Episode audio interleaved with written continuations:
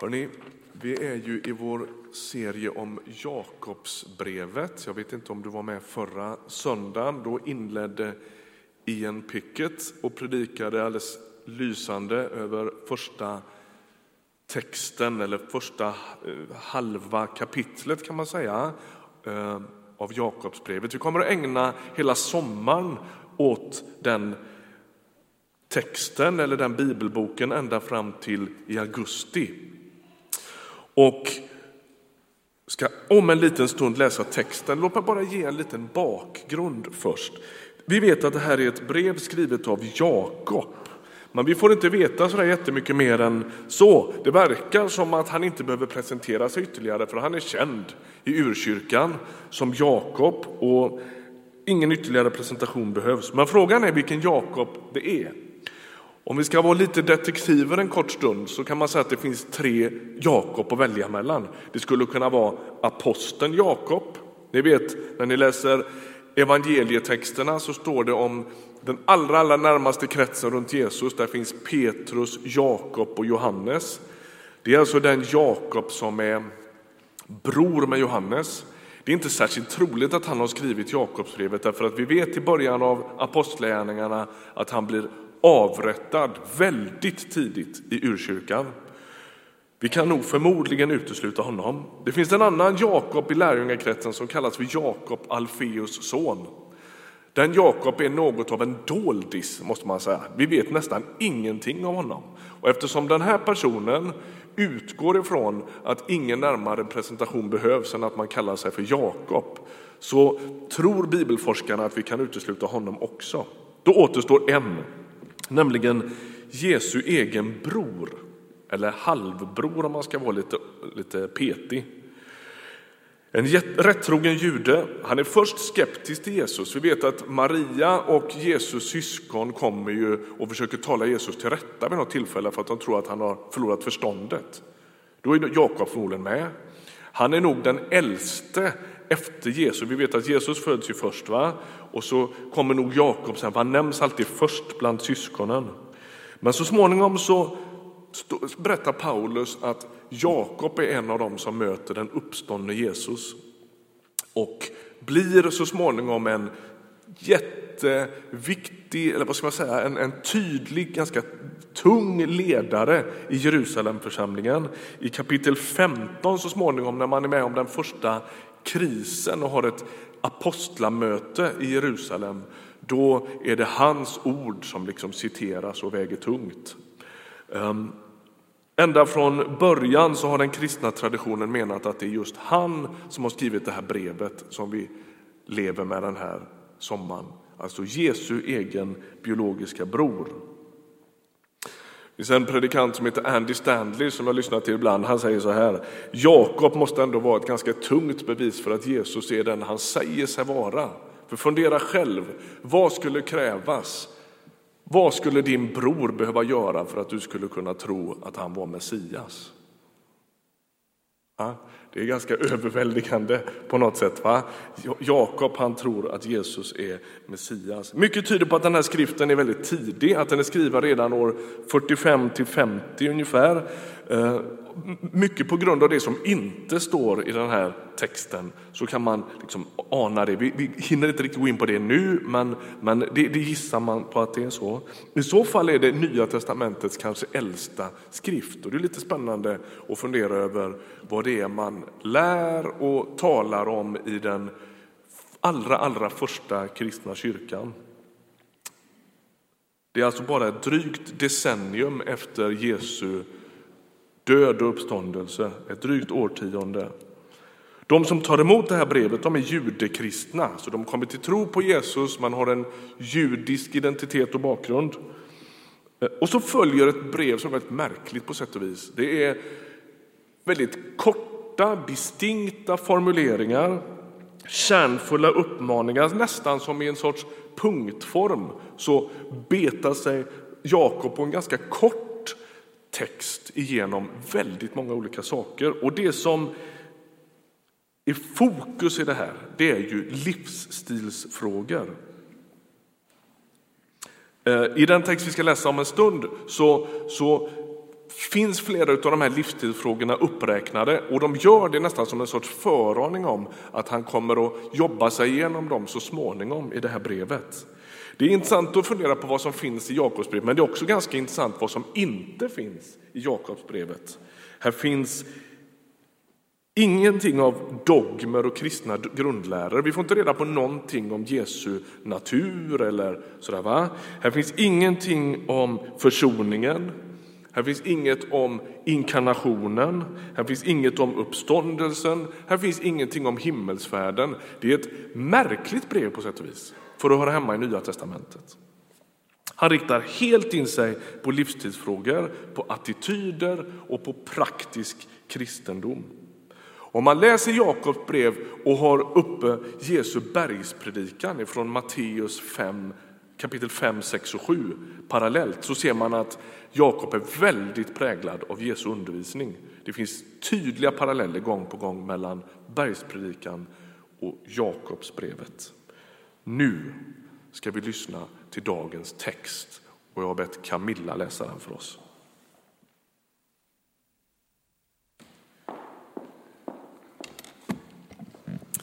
Jakobs brev 1, från den 19 versen. Varje människa ska vara snar att höra, sen att tala, sen till vrede. Ty en människas vrede åstadkommer inte det som är rättfärdigt inför Gud. Lägg därför bort allt det orena och det myckna onda hos er och ta ödmjukt vara på ordet som är nedlagt i er och som förmår rädda ert liv. Bli ordets görare, inte bara dess hörare, annars tar ni miste. Den som hör ordet men inte gör vad det säger, han liknar en man som i en spegel betraktar sitt eget ansikte. Han ser sig själv men går därifrån och har strax glömt hur han såg ut. Men den som har blickat in i den fullkomliga lagen, frihetens lag, och håller sig till den och inte glömmer vad han har hört, utan verkligen gör något, han blir salig genom det han gör. Den som menar sig vara from men inte kan tygla sin tunga utan lurar sig själv, hans fromhet är ingenting värd. Men att söka upp faderlösa och änkor i deras nöd och hålla sig själv obesmittad av världen, det är en fromhet som är ren och fläckfri inför vår Gud och Fader.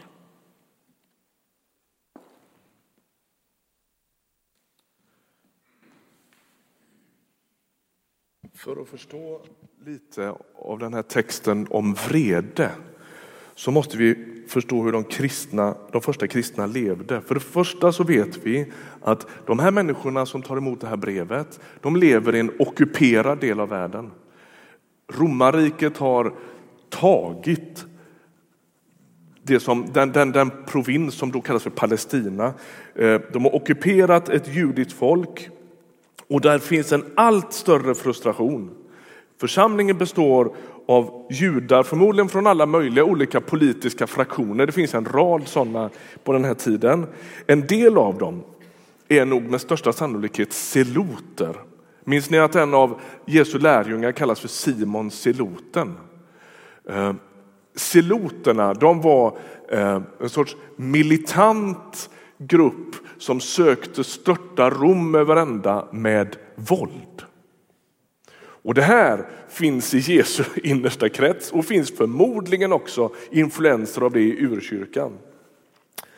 Eh, de är förföljda som folk. Men sen är det ju inte nog med det, utan den här gruppen människor som får det här brevet, de är också förföljda utifrån att de har en tro på Jesus. Alltså de är dubbelförföljda på något sätt. Och jag läser de här verserna om vreden och tänker osökt på berättelsen om Martin Luther King som försöker liksom lugna medborgarrättsrörelsen och säger vi ska gå fredligt fram. Jag vet att ni är vansinniga på detta. Jag vet att det bara kokar i leden, men vi gör det utan våld. Är ni med? Alltså jag hör lite samma tonläge när Jakob talar och säger var lite varsamma med eran vrede.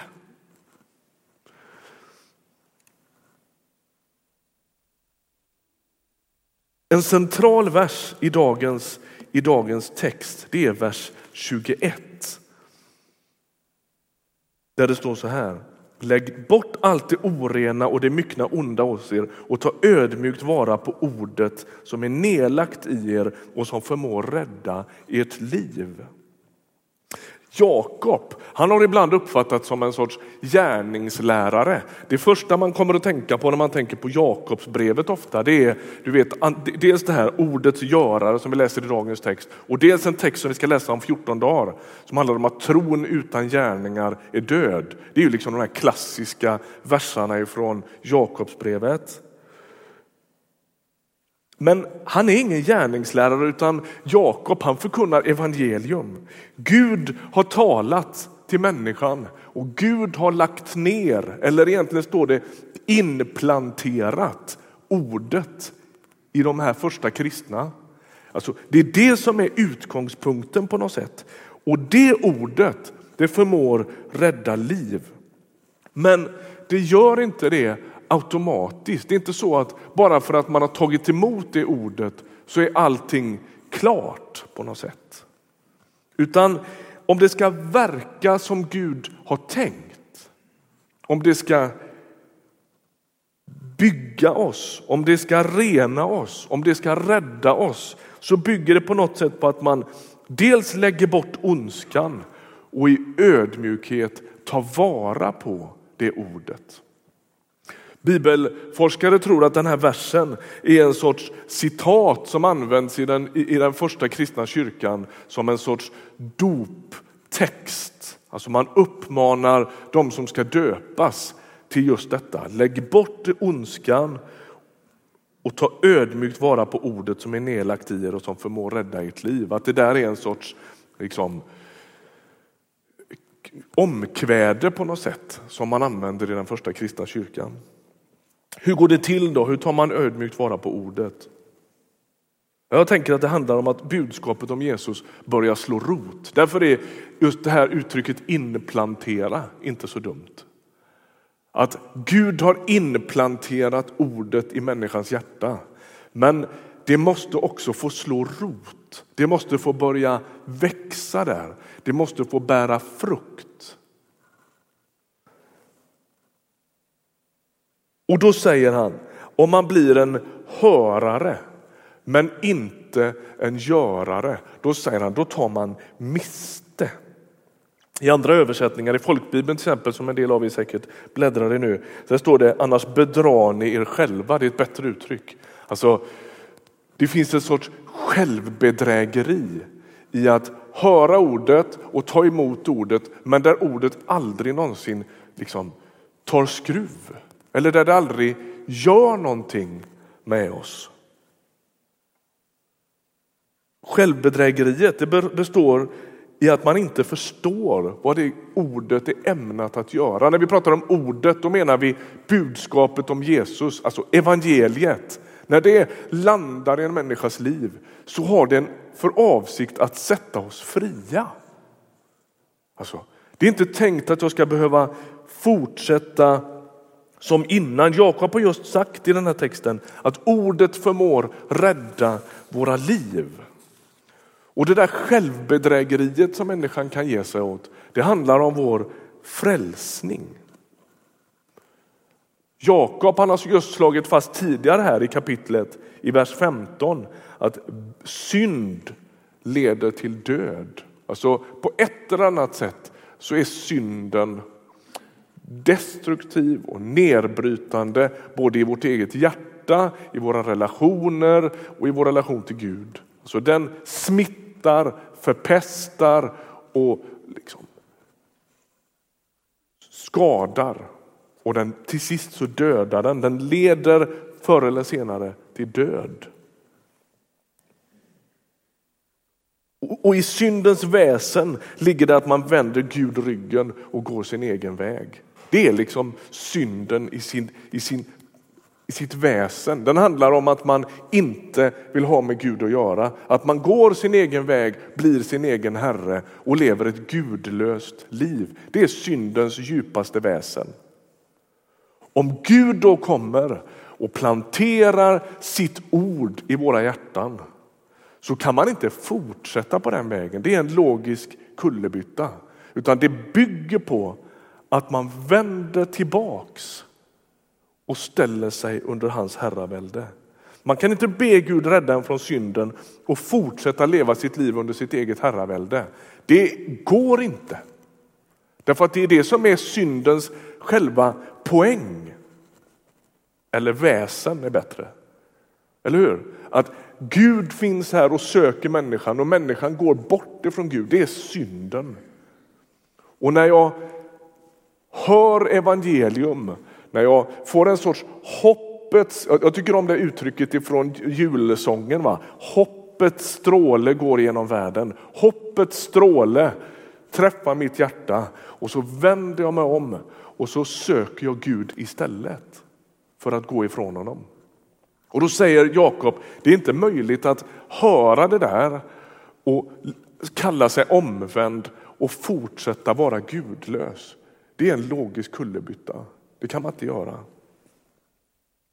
Kärnan i att bli räddad, det är att acceptera Jesus som frälsare och som Herre.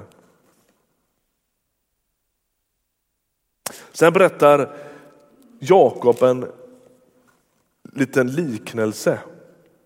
I vers 23 står det så här. Den som hör ordet men inte gör vad det säger, han liknar en man som i en spegel betraktar sitt eget ansikte. Han ser sig själv men går därifrån och har strax glömt hur han såg ut. Poängen är tydlig. Man kanske ser klart för en liten stund men så fort man går ifrån spegeln så har man glömt. Vad är det man blickar in i? Här är det ett fantastiskt uttryck. Jakob han säger att vi blickar in i den fullkomliga lagen, frihetens lag. Alltså, här finns människans frihet. Det här är ett unikt uttryck för Jakob. Det finns bara här och sen så småningom i kapitel 2 använder han ett alldeles särskilt grekiskt uttryck för, för den där lagen som sätter människan fri. Det är en sorts paradox på sätt och vis. Va? En lag som gör en fri. Men så, så talar både Jakob och också Paulus. En lag som, som, som gör att jag blir helt fri. Teologen och bibelläraren och missionären Agne Norlander som, har, som finns i, i Evangeliska Fosterlandsstiftelsen, EFS, han, han uttrycker det på ett, det här är ett av mina favoritcitat, jag använder det ofta. Han säger så här, ju mer bunden jag blir vid Jesus, desto friare blir jag i förhållande till allting annat. Smaka lite på det. Vi tänker gärna, och det är liksom syndens smitta, att jag måste frigöra mig så mycket som möjligt ifrån allt. Det är också en del av vår tid som vi lever i, vår kultur. Alltså, ju friare och mindre bunden jag är, desto friare är jag. Men man kommer alltid att vara bunden vid något eller någon. Och då säger Agne, och jag tycker det är så tjusigt uttryckt, att i den utsträckning som jag vågar binda mig vid Jesus Kristus så kommer alla andra liksom, kedjor att falla. Är du med? Där finns friheten och Jakob han kallar det för att man blickar in i frihetens lag.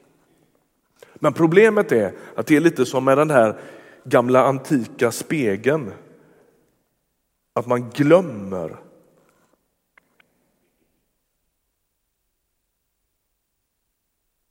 Det är intressant att han använder just en spegel som bild.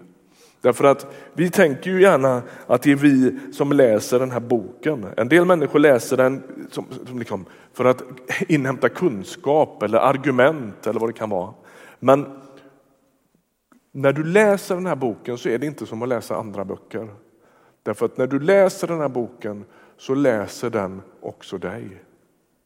Och i den meningen så är den unik. Det här är inte som att läsa en deckare i hängmattan i sommar. Gör det också tycker jag, det är, det är inte så dumt. Men det här, det är något annat. När du blickar in i det här så läser det också ditt liv. Och därför så är det ingen dum bild att tänka sig detta som en spegel. Jag speglar mitt eget liv här i. Jag får inte bara reda på vem Gud är och vad Gud vill, utan jag ser också mig själv. Både det Gud har tänkt för mig, men kanske också ibland avslöjas jag när jag blickar in här. Men Gud avslöjar alltid för att befria. Han är inte ute efter dig, utan han vill befria dig. Från självcentrering, från oförsonlighet, från snålhet, från girighet, whatever. Han vill befria dig.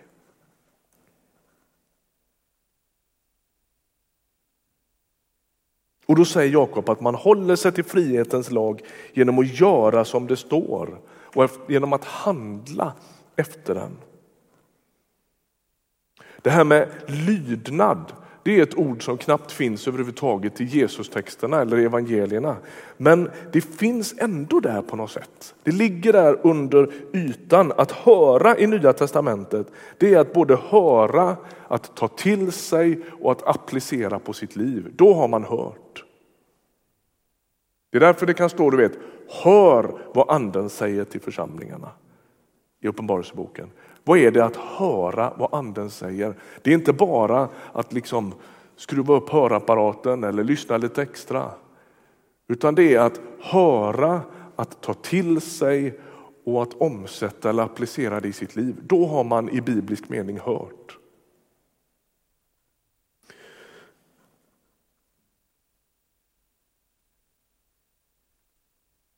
Och I Nya testamentet så talas det inte bara om lydnad mot evangelium, alltså i meningen evangeliet kommer till människan och jag gensvarar på det. Utan Nya testamentet talar också om en lydnad som kommer av evangelium. Jag ska förklara vad jag menar med det. Alltså, evangeliet är inte bara en yttre röst, utan när det drabbar en människa så börjar det hända någonting i en människa så att man faktiskt får kraft att gensvara på ett riktigt sätt.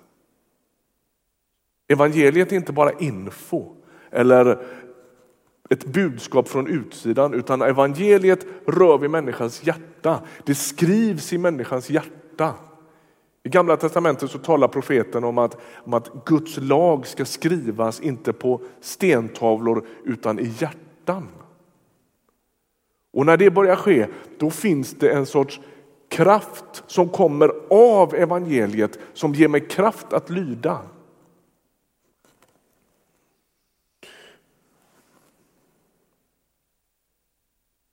Vi förenas med frälsaren som har gjort allt och med Herren som bestämmer allt. Så är det. Och Den kristna vandringen, när vi säger i vår, i vår eh, lite visionsbeskrivning att, att vi vill vara en öppen och generös gemenskap där allt fler möter, följer och formas av Jesus. Så är det ju just precis det här, att den där formningen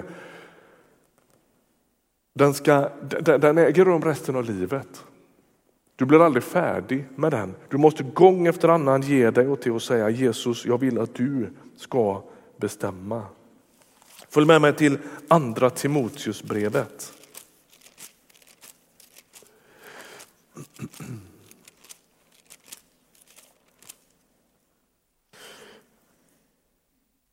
Det är Paulus som skriver till sin vän Timoteus. Och det står så här, vers 14, kapitel 3 och vers 14. Stå kvar vid det som du har lärt dig och fått visshet om. Kom ihåg vilka lärare du har haft och att du ända sedan dina barnaår är hemma i de heliga skrifterna. De förmår ge dig den kunskap du behöver för att bli räddad genom tron på Kristus Jesus. Varje bok i skriften är inspirerad av Gud och till nytta när man undervisar, vederlägger, vägleder och fostrar till ett rättfärdigt liv.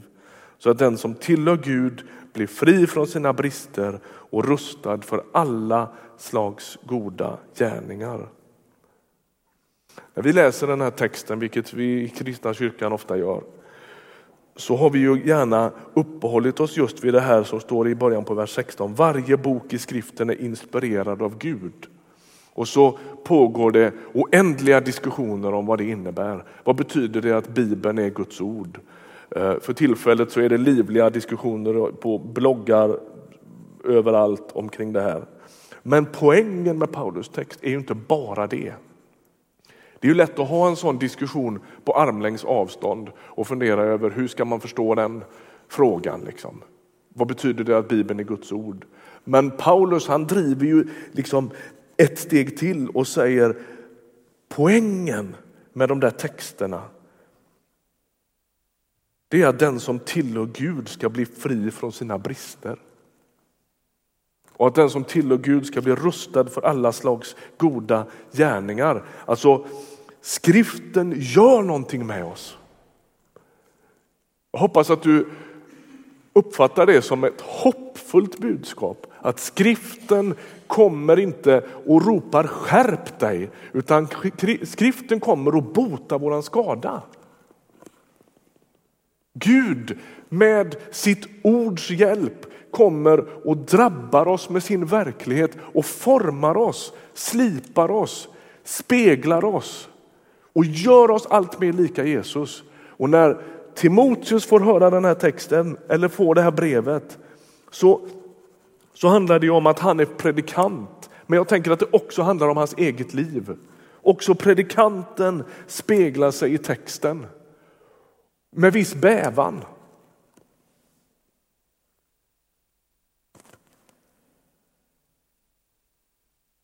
Ordet vederlägger, ordet vägleder, ordet fostrar till ett rättfärdigt liv och det befriar oss från våra brister. Känn på den.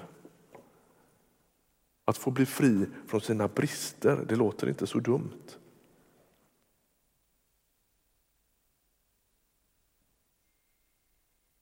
När Jesus undervisar i bergspredikan så slutar hela bergspredikan i en liknelse där han berättar berättelsen du vet om att bygga sitt hus på en klippa eller på sandig strand. Och ett liv byggt på, och det där, den där texten, vi har ju sånger om det och du vet, det finns ju, det finns ju till och med någon, någon, någon saga, du vet de tre små grisarna, den bygger ju egentligen på exakt samma sak. Grisarna som bygger, bygger hus på olika sätt och så kommer vargen, det är ju precis samma berättelse. Och så står det i den här texten att stormen kommer och då gäller det hur man har byggt. Texten finns i Matteus kapitel 7, det står så här. Den som hör dessa mina ord och handlar efter dem. Kom ihåg då att det här står som en sorts avslutning eller en sorts allra sista som står i hela den långa bergspredikan som löper över tre kapitel. Den som hör dessa mina ord och handlar efter dem är som en klok man som byggde sitt hus på berggrund. Regnet öste ner, floden kom, vindarna blåste och kastade sig mot huset, men det rasade inte eftersom det var byggt på berggrund. Och den som hör dessa mina ord men inte handlar efter dem är som en dåre som byggde sitt hus på sand. Regnet öste ner, floden kom, vindarna blåste och störtade sig mot hans hus och det rasade och raset blev stort. Ett liv byggt på klippan, det är ett liv i lydnad. Hör du det att det är det Jesus säger här? Den som hör mina ord och handlar efter dem bygger ett liv som håller. Men den som hör mina ord och inte handlar efter dem bygger ett liv som inte kommer att hålla. Och Jag tänker att han hotar oss inte, han bara säger att det är så det är. Och egentligen tänker jag att det här är ganska självklart. När vi pratar om tro och gärningar så kan vi tycka utifrån hela våran fostran att det är ett knepigt sätt att tänka. Är det inte så att det räcker med tro? Jo, det räcker med tro.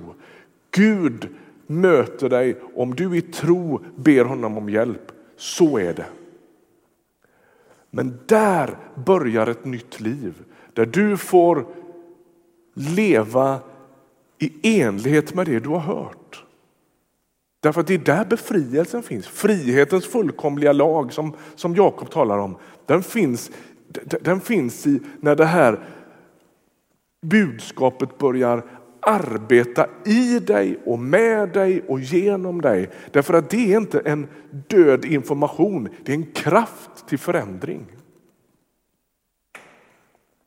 Egentligen är det inte så konstigt. Om vi skulle byta ut ordet tro mot kärlek så tror jag att alla skulle hålla med om att en kärlek som bara är kärlek till namnet men som aldrig kommer till praktiskt uttryck, det är fusk. Om jag bara sa till min fru att jag älskar henne men om hon aldrig märker det på ett enda sätt, då måste man få ifrågasätta det jag säger. Eller hur? Det är vi alla med på. Det är självklart. Detsamma gäller Jakobs resonemang om tro. En tro som bara är tro till namnet men som aldrig tar sig några uttryck. Den måste man få ifrågasätta. Anders Petter Sjödin, en kristen författare och präst, han använder en annan bild som jag tycker om. Jag har använt den här förut men jag, jag bjuder på det. Han säger så här, tänk dig ett AA-möte Dit människor alltså kommer med sitt missbruksproblem och så händer aldrig något med det där missbruket. Man går på möte efter möte efter möte efter möte men man får aldrig någon hjälp. Och så sätter man dekaler på bilen där det står jag är inte nykter, bara förlåten. Skulle vi rekommendera folk att gå på det AA-mötet? Ja, men det är ingen vits, för det hjälper ju inte. Eller hur? Och, och, och Jakob är inne lite på samma spår. En tro som inte får några återverkningar, det är ingen tro som hjälper. Tanken är att det ska sätta sig i kroppen att tro.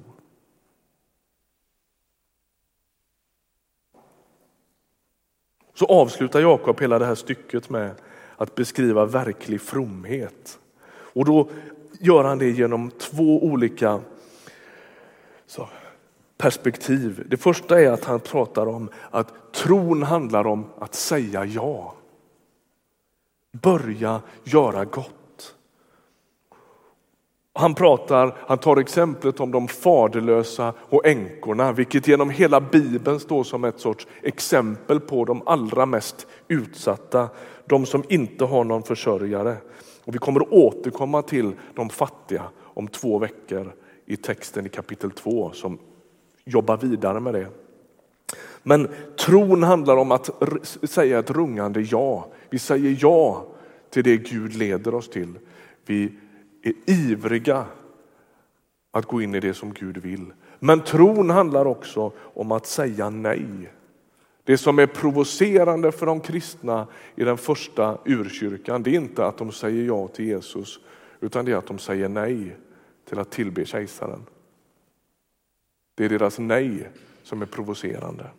Och här säger han, håll dig obesmittad av världen. Säg nej till den.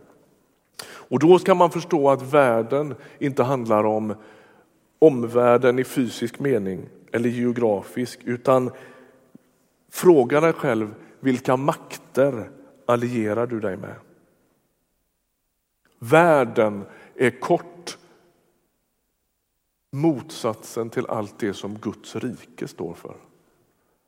Om du läser Nya testamentet om Guds rike som handlar om upprättelse, försoning, frid, kärlek, osjälviskhet, tjänande så är världen alltid dess motpol.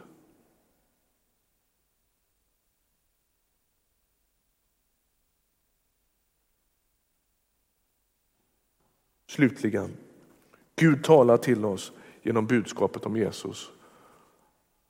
Han kommer med en sorts frihetens och nådens budskap. Och när det träffar oss människor, då är målet att det sakta ska börja forma oss så att vi faktiskt blir allt mer lika Jesus. Om det aldrig sker så kanske vi inte har blivit träffade.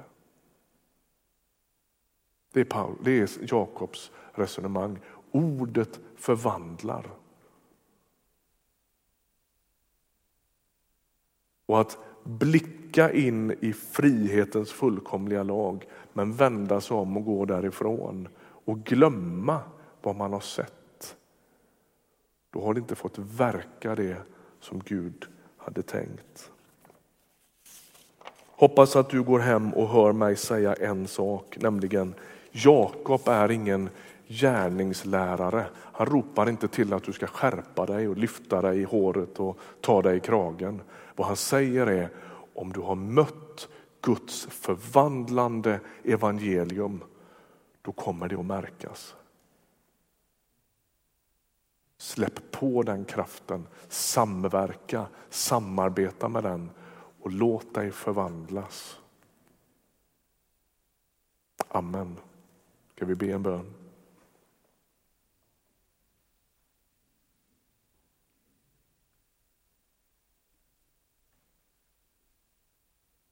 Jesus, tack för att du är här.